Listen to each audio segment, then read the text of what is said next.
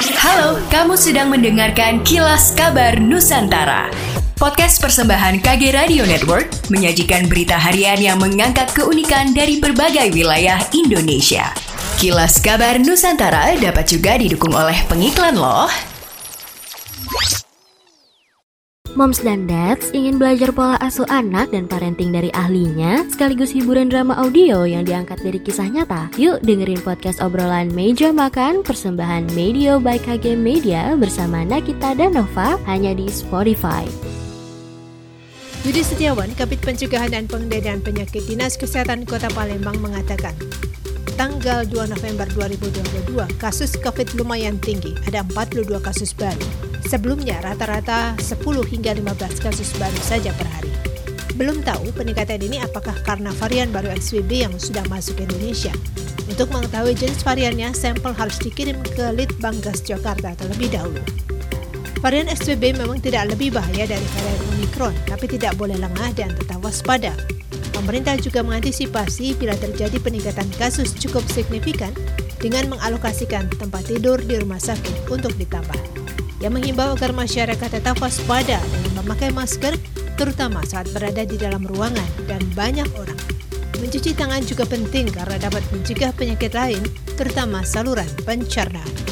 Kota Palembang mengalami inflasi yang cukup tinggi di bulan Oktober 2022 sebesar 6,72 persen, melampaui nasional dan provinsi.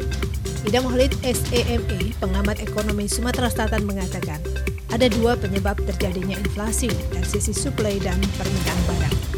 Palembang ekonominya unik karena ditopang oleh komoditi. Ketika harga komoditi turun akan membuat pelemahan konsumsi. Bila ini dibiarkan lama, maka jumlah masyarakat miskin akan meningkat. Pemerintah harus melihat setiap indikator yang ada di masyarakat. Ketika terjadi permasalahan harus cepat tanggap dan harus lebih realistis. Masyarakat sedang tidak baik-baik saja. Alokasi pembangunan fisik harus direm, lebih ditujukan kepada hajat hidup orang banyak. Isu-isu akan terjadinya krisis berdampak terhadap konsumsi masyarakat. Jangan mudah percaya, cari solusi, jangan takut berusaha. Antisipasi dengan usaha dan investasi, dan jangan habiskan uang untuk konsumsi. Sebagian diinvestasikan karena tidak ada yang bisa diprediksi, dan ketidakpastian selalu ada. Yudi Setiawan, Kabit Pencegahan dan Pengendalian Penyakit Dinas Kesehatan Kota Palembang mengatakan, tanggal 2 November 2022, kasus COVID lumayan tinggi, ada 42 kasus baru. Sebelumnya rata-rata 10 hingga 15 kasus baru saja per hari. Belum tahu peningkatan ini apakah karena varian baru XBB yang sudah masuk ke Indonesia. Untuk mengetahui jenis variannya, sampel harus dikirim ke Litbangkes Jakarta terlebih dahulu. Varian XBB memang tidak lebih bahaya dari varian Omicron, tapi tidak boleh lengah dan tetap waspada. Pemerintah juga mengantisipasi bila terjadi peningkatan kasus cukup signifikan dengan mengalokasikan tempat tidur di rumah sakit untuk ditambah. Yang menghimbau agar masyarakat tetap waspada dengan memakai masker, terutama saat berada di dalam ruangan dan banyak orang. Mencuci tangan juga penting karena dapat mencegah penyakit lain, terutama saluran pencernaan.